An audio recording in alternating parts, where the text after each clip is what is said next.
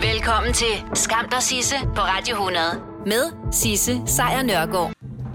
Skam der Sisse på Radio 100 præsenterer Skamløse fornøjelser.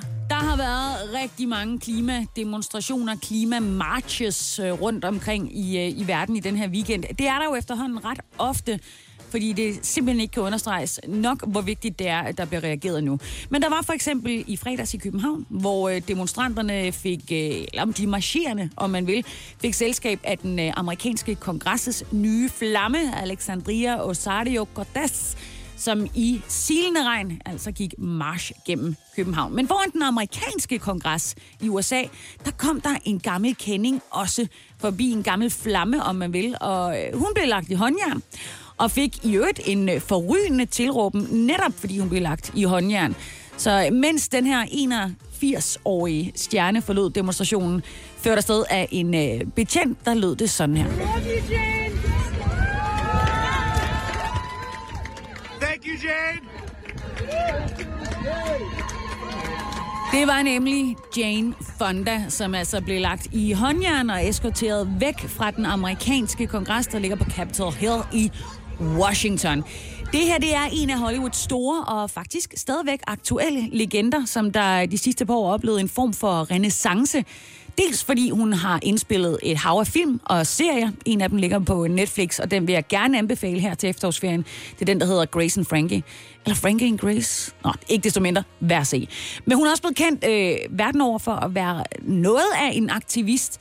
Især mod Donald Trump. Øh, for kvinder, og altså også i den grad nu for miljøet. Nu sker der et eller andet vildt spændende for mig her. Der er noget computer, der larmer. Ikke desto mindre, det er ikke det, det skal handle om. Hun har nemlig alle dage været aktivist, Jane Fonda. Hun blev også tilbageholdt og anholdt tilbage i 60'erne, da hun demonstrerede mod øh, Vietnamkrigen. Og hun blev faktisk også lagt for had, fordi hun var så udtalt politisk, når hun jo bare skulle være en køn, blond skuespiller i Hollywood. Men her i weekenden, der skete det altså igen. Jane Fonda, 81 år gammel, demonstrerede sammen med organisationen Oil, Oil Change International for at få sat fokus på klimakrisen. Og det gjorde hun jo i den grad. På forhånd, der havde Jane Fonda allerede varslet om, at hun ville øh, deltage i øh, ugentlige demonstrationer for kongressen, eller mod øh, kongressens øh, beslutninger, frem til januar næste år. Så hun kommer altså til at valgfarte mellem fængslet og kongressen de, øh, de kommende par måneder. Og hvis jeg bare havde halv den energi, som hun har i dag som 81-årig, når jeg selv rammer den alder, så vil jeg være lykkelig og gøre nøjagtigt det samme. Har du børn, og har de ferie, så kan det godt være, at du skulle lade dem flade fuldstændig ud, for der er noget, der tyder på, at de i den grad har brug for den her ferie. For øh, vores børn, de har det faktisk ekstra ekstra hårdt i øh, skolen. Faktisk så har de det så hårdt, at de øh, mistrives. Og ja, det er ikke kun nødvendigvis i skolen, det er bare en undersøgelse, der er lavet på øh, klasse, øh, på klasser i, øh, fra 5. til 8. klasse. Og der er det altså sådan, at hver anden elev mistrives. Hver anden elev har hovedpine eller mavepine, eller er ked af det, nervøse eller svimle. Og det er altså bare nogle af de symptomer, som rigtig, rigtig mange børn de oplever hver evig eneste uge. Det er altså tal, der er kommet ud i en endnu ikke offentliggjort undersøgelse fra Børns Vilkår øh, i samarbejde med Egmont-fonden, som øh, TV2 har fået adgang til, der viser det her. Og ifølge de her tal, så oplever 51 procent af de i alt 1522 øh, elever, der har været med i den her undersøgelse, fra 5. til 8. klasse i skoler over hele landet, der viser altså, der har de her børn, altså 51 procent, hver uge mindst et symptom på mistrivsel, mens 49 procent ikke har nogen symptomer. Af den her undersøgelse så viser det, at der er flere i 8. klasse, der har tegn på mistrivelsen, end der er i 5. klasse. I 5. klasse, der er det lige under halvdelen, men når vi kommer op i 8. klasse, så er det over halvdelen af alle børn, der ikke har det godt. Hvorfor er det så, de har det sådan? Jamen, det er der jo rigtig mange øh, årsager til, mener børns vilkår. Øh, der er øh, nogle øh, klare tendenser, som ikke gjorde sig gældende, da vi var børn, altså også voksne. I dag der skal børn for eksempel øh, præstere mere, og de skal træffe deres egne valg. I gamle dage der var der andre, der træffede valgene for børnene, men børn får ikke lov til at være børn i dag, som de gjorde, da vi var børn. Og øh, som samfund, så viser vi åbenbart de her børn, at de ikke er gode nok, øh, hvis de ikke præsterer godt nok. Og det er altså noget, der er et kæmpe pres. Det siger øh, Red, eller undskyld, øh, Børns Vilkår til TV2. Og de siger også, at det der med, at de hele tiden bliver konfronteret med, at deres valg er afgørende for, om det kommer til at gå dem godt i livet, det stresser børnene. Det stresser dem fuldstændig unødvendigt meget. Derudover så er det også ifølge den her undersøgelse øh, sådan, at det er især søvnbesvær, som langt de fleste elever oplever i, øh, i hverdagen. 33 procent af børnene har svaret, at de ugenligt har svært ved at falde i søvn. 19 procent har svaret, at de hver dag oplever at have søvnbesvær. Og derudover så viser undersøgelsen også, at der er mange unge, der mistrives, øh, blandt andet fordi de føler, at deres familie har færre penge end andre familier, og og så videre, og så videre. Undersøgelsen viser jo også, at børn, der har en dårlig start på dagen, mistrives i højere grad end andre børn. Så det er med andre ord virkelig, virkelig vigtigt, at børnene bare får lov til at være børn i øh, efterårsferien, men også til hverdag. Jeg håber, at den her undersøgelse snart kommer ud, så vi kan få nogle helt konkrete tal på. Men jeg er ret sikker på, at det ikke har været den dejligste morgen for øh, tusindvis af forældre over hele verden i dag, fordi at, øh, ja, jeg kan lige så godt sige det, jeg sender min øh, dybeste medfølelse til alle jer forældre, som har børn, der spiller Fortnite, og som havde håbet, at de kunne få en stille og rolig efterårsferie, mens ungerne sidder placeret i deres gamingverden et par timer om dagen. Fordi det håb, det er gået op i flammer. Sådan bogstaveligt talt. Det er, det er forsvundet, det håb. Suget ind i et stort, sort hul. Fordi sådan her lød det i går, da Fortnite oplyste sig selv.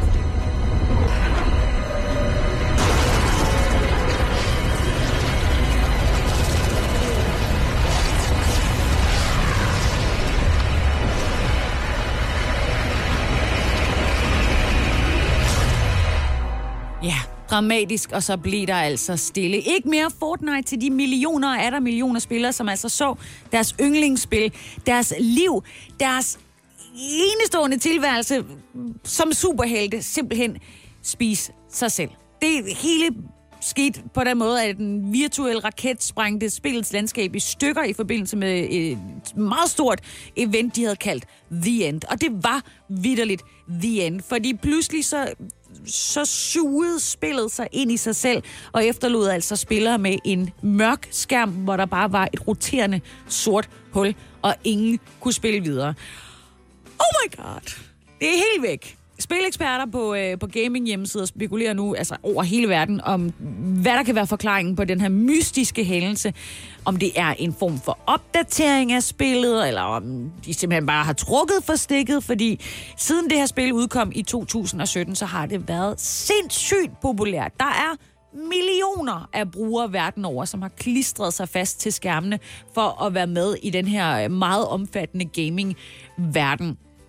Og der er altså også øh, nogen, der har været ude og sige, at Fortnite er øh, lettere farligt. Altså det har simpelthen været kaldt afhængighedsskabende, både af psykologer og eksperter, fordi der har været over 250 millioner registrerede brugere, og af dem, der blev hængende i går, altså fire timer efter, at spillet havde et sig selv, der var der stadigvæk 50.000 mennesker, der sad og, på øh, spillets øh, livestreaming af det her sorte hul på YouTube og, og kiggede med. Altså 50.000 mennesker.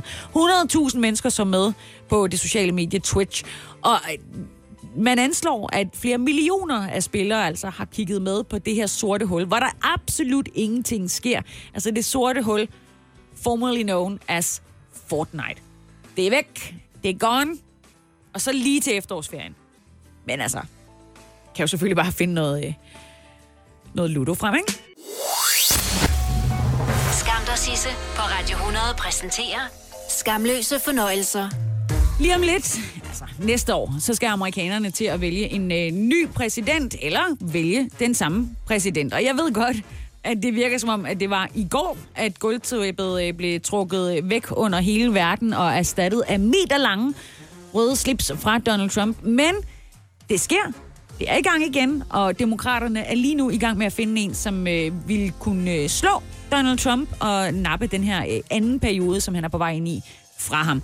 Og der er nogle bud, som vi kender. Der er Bernie Sanders, 78 år gammel, var tæt på at blive sat i spidsen sidste gang, der var valg. Øhm, han er ret svækket efter et hjertetilfælde, og øh, han er altså så gammel. Så er der Obamas øh, gamle hangaround, nemlig Joe Biden, tidligere vicepræsident. Han er også råd lidt i modvind, efter hans søns affære i Ukraine er blevet uafklaret. Det er i hvert fald Trump-land, der øh, har skubbet dem frem. Og så øh, er han også 76 år gammel, og ja, det er også lidt op ad bakke måske. Men der er den unge vorhar, Elizabeth Warren. Hun er 70 år gammel. Hun er øh, senator fra Massachusetts, øh, en meget demokratisk stat. Det er hende, som Trump har kaldt øh, Pocahontas, fordi hun har en lille smule indianerblod i sig. Men hun, øh, hun brager helt stille og roligt fremad. Og her i weekenden, der lå hun altså... Øh, ja, på niveau med Joe Biden, når det handlede om øh, vælgertilslutning. Noget, som de færreste havde regnet med i begyndelsen af året, fordi der lå Warren i alle målinger og rode rundt helt nede i bunden sammen med stort set alle de andre 25 kandidater, som øh, demokraterne havde øh, op og toppes mod hinanden. Men det var i de første måneder.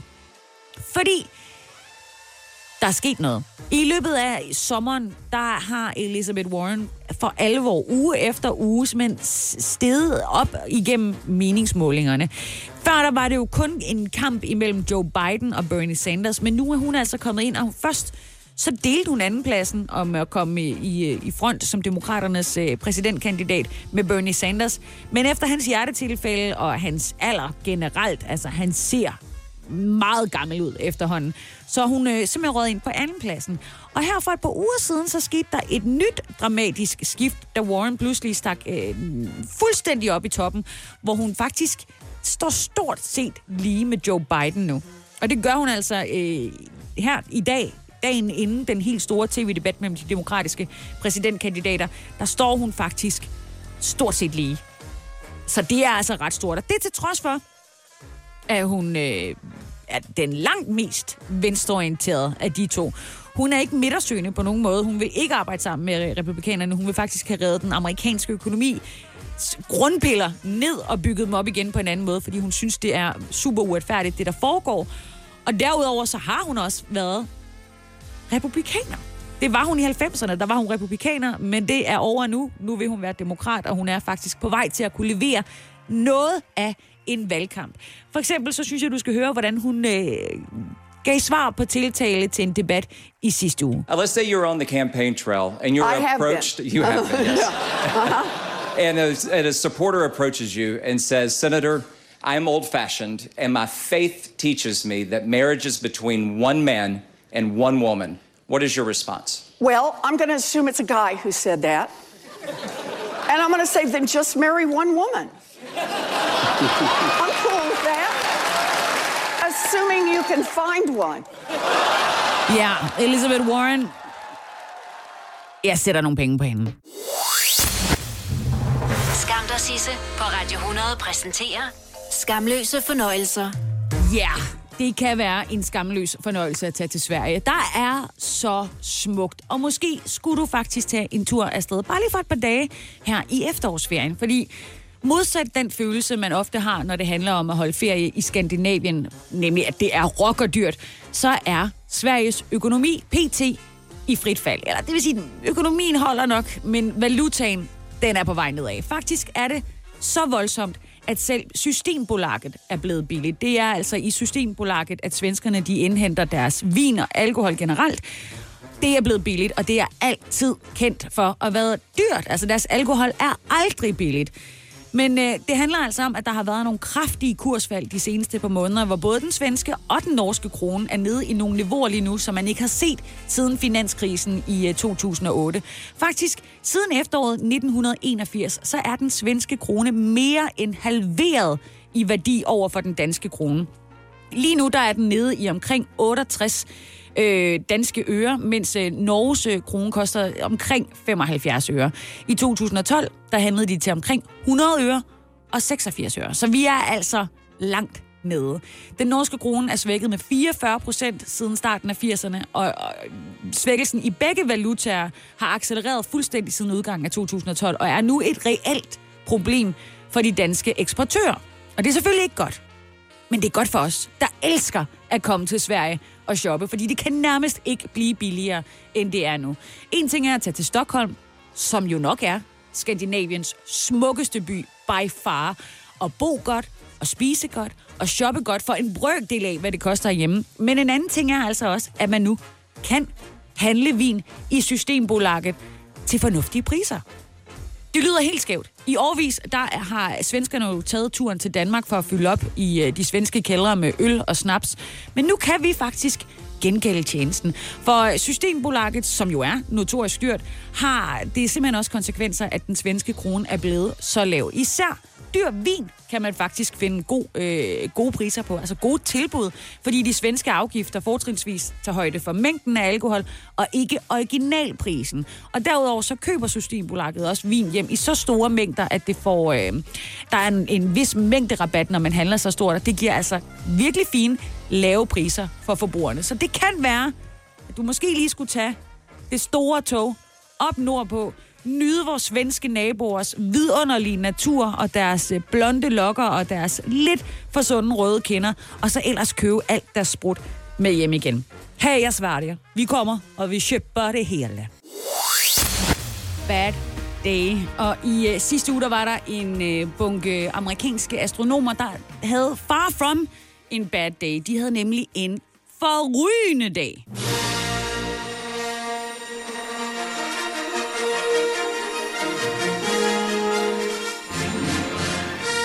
I sidste uge, der afslørede de her amerikanske astronomer, at de havde opdaget intet mindre end 20 nye måner omkring Saturn. Og det gør den her planet, Saturn, til vores solsystems nye månekonge med 82 kendte måner. Wow, det er mange!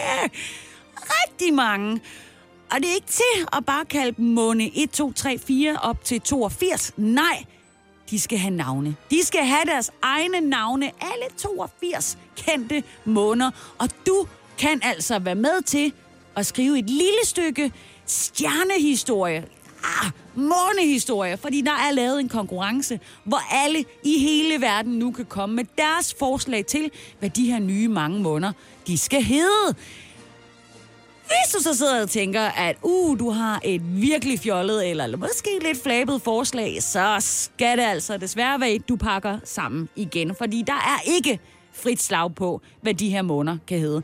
Der er nogle fuldstændig klare regler. Månerne de skal navngives efter guder eller andre mytologiske figurer fra enten øh, inuitisk, galisk eller nordisk mytologi. Så skal du lige puste den viden af, så du kan huske, hvad der er hvad. Men det er nemt at deltage, nu hvor det skulle være sådan lidt sværere at finde et navn. Det kræver bare, at du har en Twitter-konto. Så gå ind, opret en Twitter-konto, hvis du ikke allerede har den. Og så skal du altså være med i øh, konkurrencen, som kører frem til den 6. december. Så har du et forrygende navn eller flere, så kan du tweete det inde på Twitter til det, der hedder Saturn Lunacy. Altså at Saturn Lunacy. Og så skal du fortælle, hvorfor det her er et godt månenavn, hvorfor det er et stærkt månenavn, hvad du synes om det, men hvis du vedhæfter videoer eller foto eller noget kunstnerisk, øh, I don't know, halløj, så er det et ekstra stærkt bud, fordi det må gerne være lidt lækkert at se på derinde. Og så skal du huske hashtagget, hvis du gerne vil være med. Det er hashtag name Saturn's moons. Altså, hashtag name Saturn's moons. Personligt, så jeg tænkte mig at bruge hele min ferie på at finde på øh, fede navne til måner. Fordi tænk, hvis man var den, der gav en måne sit navn. Jeg ved ikke, om du kan huske den.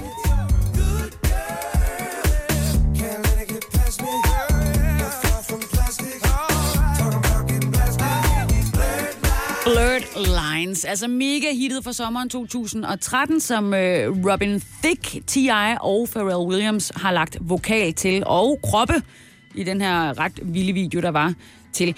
Men øh, Pharrell Williams, han har også været med til at både skrive og producere sangen, og trods den her kæmpe succes med millioner af afspilninger, så er øh, det her nummer, altså Blurred Line, også beskyldt øh, kraftigt for at være både sexistisk og have undertoner om voldtægt. Og indtil nu, der har Pharrell Williams nægtet, at der skulle være sandhed i de her anklager, men nu er han altså ude i et interview med magasinet øh, GQ og sige, han er flov over, at han har lavet den her sang, og han er flov over den kultur, som sangen har bidraget til. Han har fanget det, med andre ord. Han siger, at han har indset, at vi lever i en chauvinistisk kultur i øh, vores land, det er altså USA, øh, og det var ikke gået op for ham, at øh, hans sang bidrog til det, og det var ikke øh, gået op for ham, og det synes han i øvrigt var chokerende. Det er han altså ude at sige til GQ. Derudover så forklarer han også, at han i starten havde svært ved at forstå, hvorfor der var nogen, der syntes, at den her sangstekst øh, var øh, problematisk. Blandt andet fordi der var mange kvinder, der godt kunne lide sangen, og fordi kvindelige sanger ender også har lignende tekster.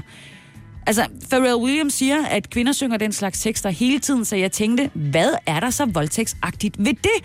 Men så gik det altså op for ham, at man bruger det samme sprog, når man udnytter kvinder. Og så er det altså ligegyldigt, at det ikke er sådan, at Pharrell Williams han opført sig, eller den måde, han tænker på tingene på, det handler om, hvordan det påvirker kvinder. Og det er derfor, han nu i dag, her seks år efter, er ude og sige, guys, det er lige gået op for mig, det må I sgu undskylde. Sammen med den her sang, der bliver der jo også udgivet et par musikvideoer, hvor mændene er omgivet af modeller, og i den ene musikvideo, der har kvinderne bare bryster, mens mændene er fuldt påklædte, og der fortæller Pharrell Williams også, at han altså blev født i en tid, hvor andre ting kunne gå an, end de kan i dag. For eksempelvis er der, øh, en, var der i hvert fald en større grad af objektivisering af kvinder. Øhm, og der er også nogle af hans sange, som han aldrig vil skrive eller synge i dag, og som han bliver flov over, at han overhovedet har lavet. Og han siger også, at det tog lang tid at komme dertil. Så det må man sige, det er øh, kæmpe håndtrækning til alle kvinder verden over, som, øh, som har haft øh, ubehagelige oplevelser. Ikke nødvendigvis med den her sang, men bare generelt. Det er jo snart jul, eller det vil sige alt er relativt. Der er halvanden måned til den 1. december. Men man kan jo aldrig være for godt forberedt. Am I right?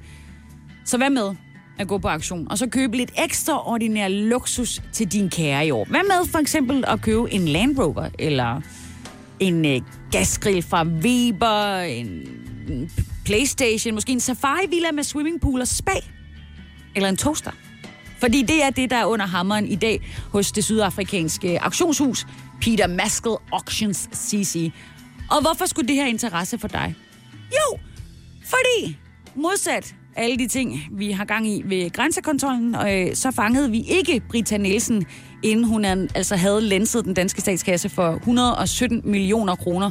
Og alle de ejendele, jeg lige ramser op, har tilhørt Brita Nielsen, og altså derfor, at man i dag kan købe det på auktion i Sydafrika. Det er altså øh, penge, som øh, hun har købt de her ting for penge, som hun har overført fra de offentlige statspuljemidler til sin egen konto i en årrække, og så har hun altså været nede og shop big time i Sydafrika. Det er også derfor, at udbyttet af den her auktion skal gå til at, drække, øh, til at dække en række øh, kreditorers øh, krav, selvom man ikke regner med, at øh, aktionen her kan indbringe voldsomt mange penge. Altså, der er nogen, der mener imellem 5 og 10 millioner. Det er dem, der sådan er fra øh, de danske medier, skulle jeg til sige, de danske øh, myndigheder. Og så er der auktionshuset selv, der har vurderet, at det får man overhovedet ikke for det, men man kan måske komme helt op på omkring 2 millioner kroner. Hvilket i øvrigt også er langt under det, som det har kostet Brita at købe alle de her ting. Blandt andet så har auktionshuset vurderet, at den her Land Rover, der er til salg, den kan sælges for ca. 100.000 kroner. Så er der noget fotoudstyr, der kan indbringe måske, hvis man er heldig, 12.000 kroner. Og så er der den her toast toaster, en toastmaskine, som formentlig, hvis de er super heldige, kan indkassere omkring en tier. Når den auktion den er afholdt, så bliver det også det sidste, vi kommer til at, at høre til fra Sydafrika, når det handler om Britta Nielsen. Så er det nemlig den sidste del af alt det, der var tilbage efter Britta Nielsens liv i de varme lande, der er væk. Øh, der er en enkelt konto eller to tilbage, øh, og så må de jo så finde ud af, hvordan de får fingrene i, øh, i dem. Der er nogle nye oplysninger om, hvor øh, der kan hentes øh, flere penge, som der vil blive undersøgt lige nu. Men det er ikke sådan, at Britta Nielsen hun har besluttet sig for at samarbejde med, øh, med kammeradvokatens øh, folk, fordi det, øh, det gider hun ikke. Hun har det fint med at ikke at, at hjælpe til med at finde ud af, hvor resten af de her 117 millioner kroner er henne. Så der må de jo så sælge det, der er i stedet. Som sagt er det i dag, at øh, der er øh, auktion igen. Toastmaskinen til en 20'er eller en 10'er. Det er ikke hver dag, man er så heldig. Og apropos nat, så var der jo i nat debat i USA. Den største, historiens største præsidentielle primærdebat, det var demokraterne, der var samlet. 12 af de bedst placerede demokratiske kandidater ud af de 19, som altså stadigvæk er i spil til at blive Trumps udfordrer ved næste års præsidentvalg, de var på scenen i nat i en øh, debat, der ligesom er nået ind i den afgørende fase. Det er der, hvor man forventer, at der er flere, der falder fra. Det er amerikansk politiks svar på Hunger Games. Det er der, vi er nu. Det er spændende. De stærkeste lige pt. dem med flest guns, det er Joe Biden Obamas tidligere vicepræsident. Så er det Bernie Sanders, som jo var tæt på at nakke Hillary, øh, Hillary i øh, sidste omgang. Og så er der Elizabeth Warren, som altså suser fremad.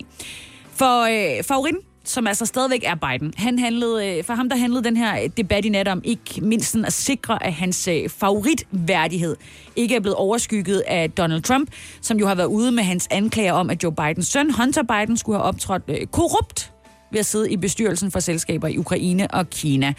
Men der blev ikke rigtig skudt med skarpt på ham i går, for hvis man gjorde det, så ville det jo også kunne ramme demokraterne som en samlet enhed. For hvis Trumps beskyldninger af Biden bliver behandlet, som om de var ægte, jamen så bliver beskyldningerne internt også ja, hvad kan man sige, belemret af noget Trump. Så det gik ikke. Til gengæld, så var der en, der blev rigtig prasset, og det var Elizabeth Warren.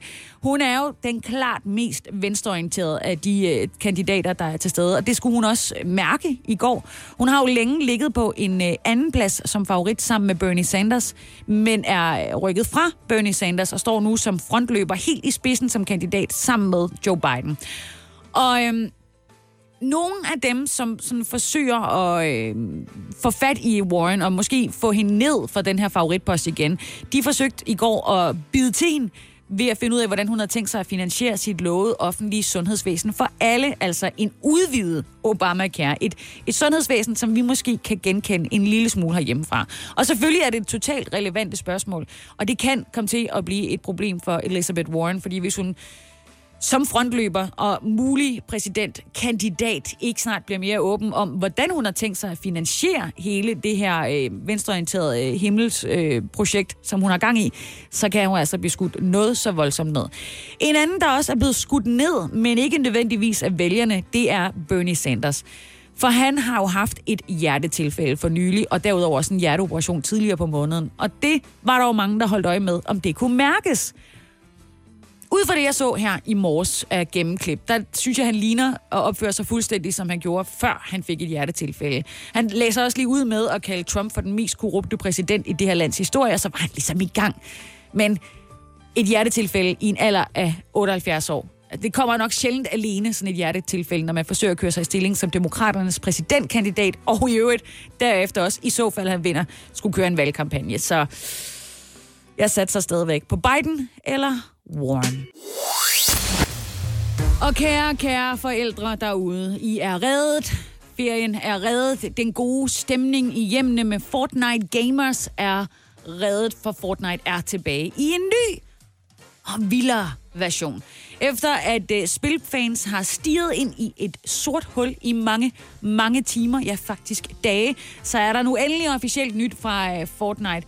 Og den opdatering kommer altså efter, uh, ja, et to døgn omgivet af stor musik, fordi det ultrapopulære spil natten til mandag pludselig gik i sort. Altså det åd sig selv, mens millioner og er der millioner kiggede på, og flere tusinder blev ved med at stige på det her sorte hul i dagene efter.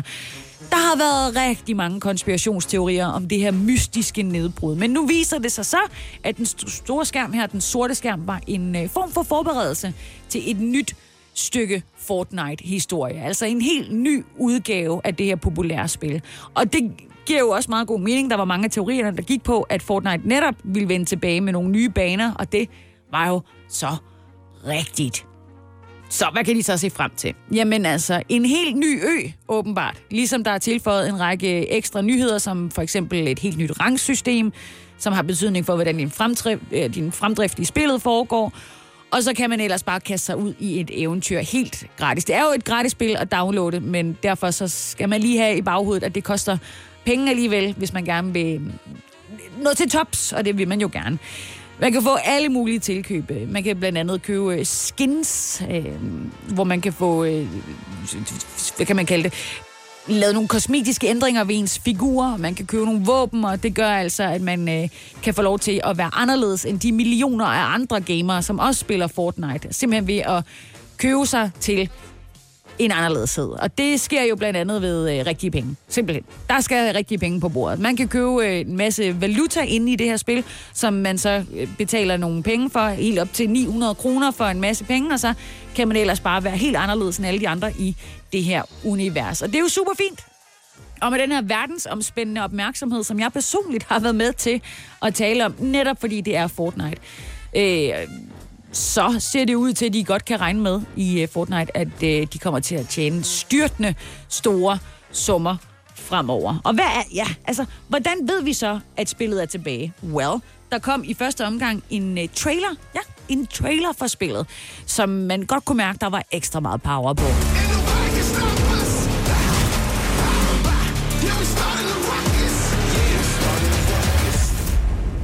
Så nyd efterårsferien, kære gamers, og ikke mindst nyd roen, kære i gamerforældre.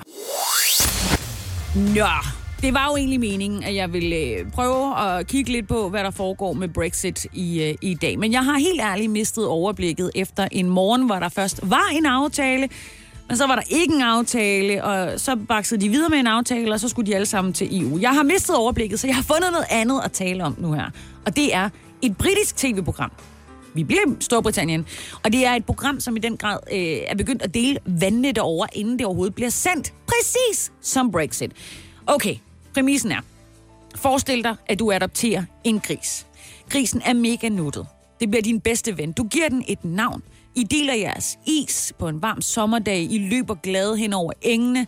I går i bad sammen. I ser Netflix, og jeg vil ikke sige chiller, men det er tæt på.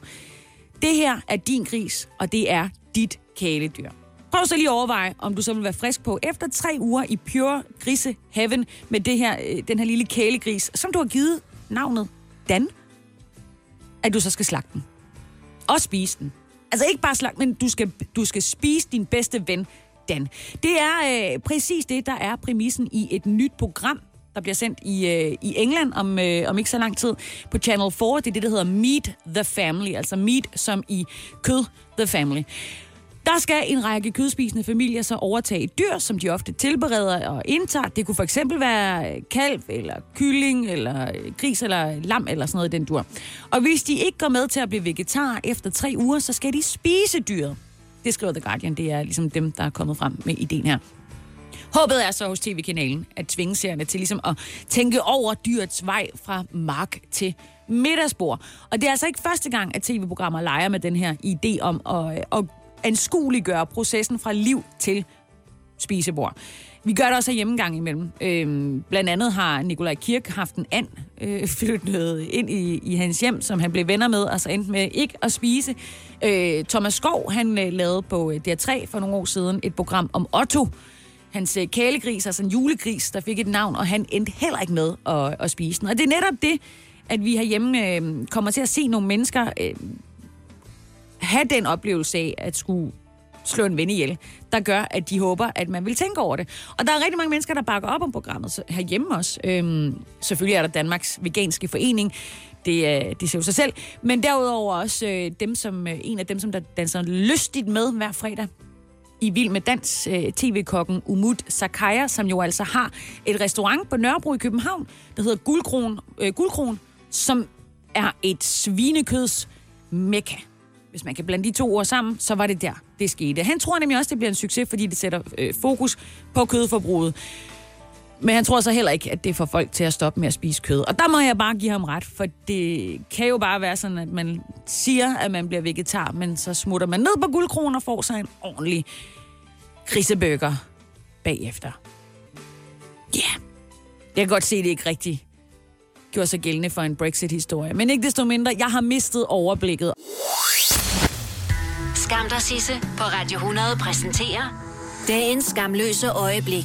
Det er jo en evig pinefuld affære at skulle få taget øh, skolefotografier. Øhm, og det skal man jo. Det skal man jo øh, selv igennem som barn, og så står man her som forældre lidt senere i ens liv, og øh, skal se på, at vores små poder, vores engle, vores putinhuttede perfekte små børn, skal for evigt her og nu til evig tid, så de kan tage billederne op af skuffen, og så kan de ryste på hovedet og sige, ej, Åh, sådan var det.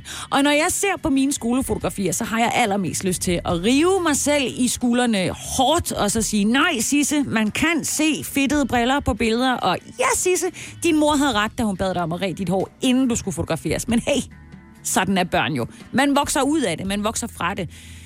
Men sådan behøver man åbenbart ikke at skulle håndtere det, altså som helt almindelige mennesker. Nej, man kan nemlig bare få lavet billederne om, så de matcher det, man gerne vil have. DR har en historie i dag, hvor de har talt med flere øh, skole- øh, eller institutionsfotografer, som øh, fortæller om forældre, der ringer ind og siger, at de gerne vil have retuscheret deres børns billeder. En af dem, som fortæller om det, det er en øh, fotograf, der hedder Edita Sørensen. Hun er, øh, hun er en af dem, der går ud og tager billeder af alle vores øh, børn, og så fortæller hun derudover, at omtrent halvdelen af de forældre, hun har taget, øh, hvis børn hun har taget billeder af, bagefter ringer og lige får hende til at redigere ungernes billeder, så de kan se helt perfekt ud. Og hun, hun siger, at hun redigerer hele tiden. Nogle forældre kan hun overbevise om at lade være med at ændre for meget, men så er der nogle andre forældre, der bare gerne vil have, at det skal ligne et freaking maleri. Ja, hun prøver at sige til dem, prøv at se, hvor fantastiske de rent faktisk er. Det er jo en dokumentation af barndommen. Men åbenbart, så er den dokumentation af barndommen ikke noget for forældrene. Åbenbart. Det, som øh, skolefotograferne de opremser, at forældrene gerne vil have redigeret, det er blandt andet, øh, at de gerne vil have fjernet en savplet fra børns tøj. Øh, måske et sår eller noget eksem i ansigtet, skrammerplaster eller sådan nogle ting. På de mindre børn. En gang imellem, så skal børns tænder også gøres videre. ah, for det er jo absurd. De skal gøres videre, hvis der for eksempel er noget misfagning eller en død tand. Og i den mere sjældne afdeling, så er der også forspørgseler om, at deres børn skal gøres slankere på billedet. For børn, øh, for de ældre børn, så er det sådan noget med at få fjernet buk, øh, bumser, som der skal væk fra ansigtet. Og øh, måske også lige få fjernet nogle piercinger, eller mærker for piercinger, der er taget ud. Og helt ærligt, Jesus Christ. Havde mine forældre bedt om at forændre noget ved mit i forvejen usikre 13-årige jeg på et fotografi, hvordan helvede har jeg så klaret mig igennem teenageårene, når selv mine forældre så de fejl, jeg sådan helt tydeligvis selv var bevidst omkring. Hvad er det for noget? Nå, de har selvfølgelig også lavet øh, forældreinterview, og øh, der er nogle forældre derude og sige, jeg vil bare ikke have min søn ser tilbage på øh, et billede af sig selv som barn, hvor hans tænder er helt skæve. Og der bliver man bare nødt til at sige, det er jo bare en del af, af livet. Nå, no judgment. Vi ønsker alle sammen det bedste for vores børn, og hvis det er den vej, nogle forældre vil gå, so be it. I slutningen af august i år, der kørte 19-årige Harry Dunn på sin motorcykel i nærheden af en militærbase ved Oxford i England. Her der blev han ramt af en bil, der kørte i den forkerte side af, af vejen. Og den unge mand, han øh, blev ramt så brutalt, at han øh, døde på hospitalet kort tid efter. Den her bil, den blev kørt af en amerikansk diplomats hustru, som trods at hun efterfølgende sagde, at hun ville blive i landet og øh, stå til ansvar og i øvrigt også være øh, behjælpelig med politiet, så rejste hun altså i ly af mørket hjem til USA og øh, fortalte, at hun ingen intention om at have om at vende tilbage til Storbritannien.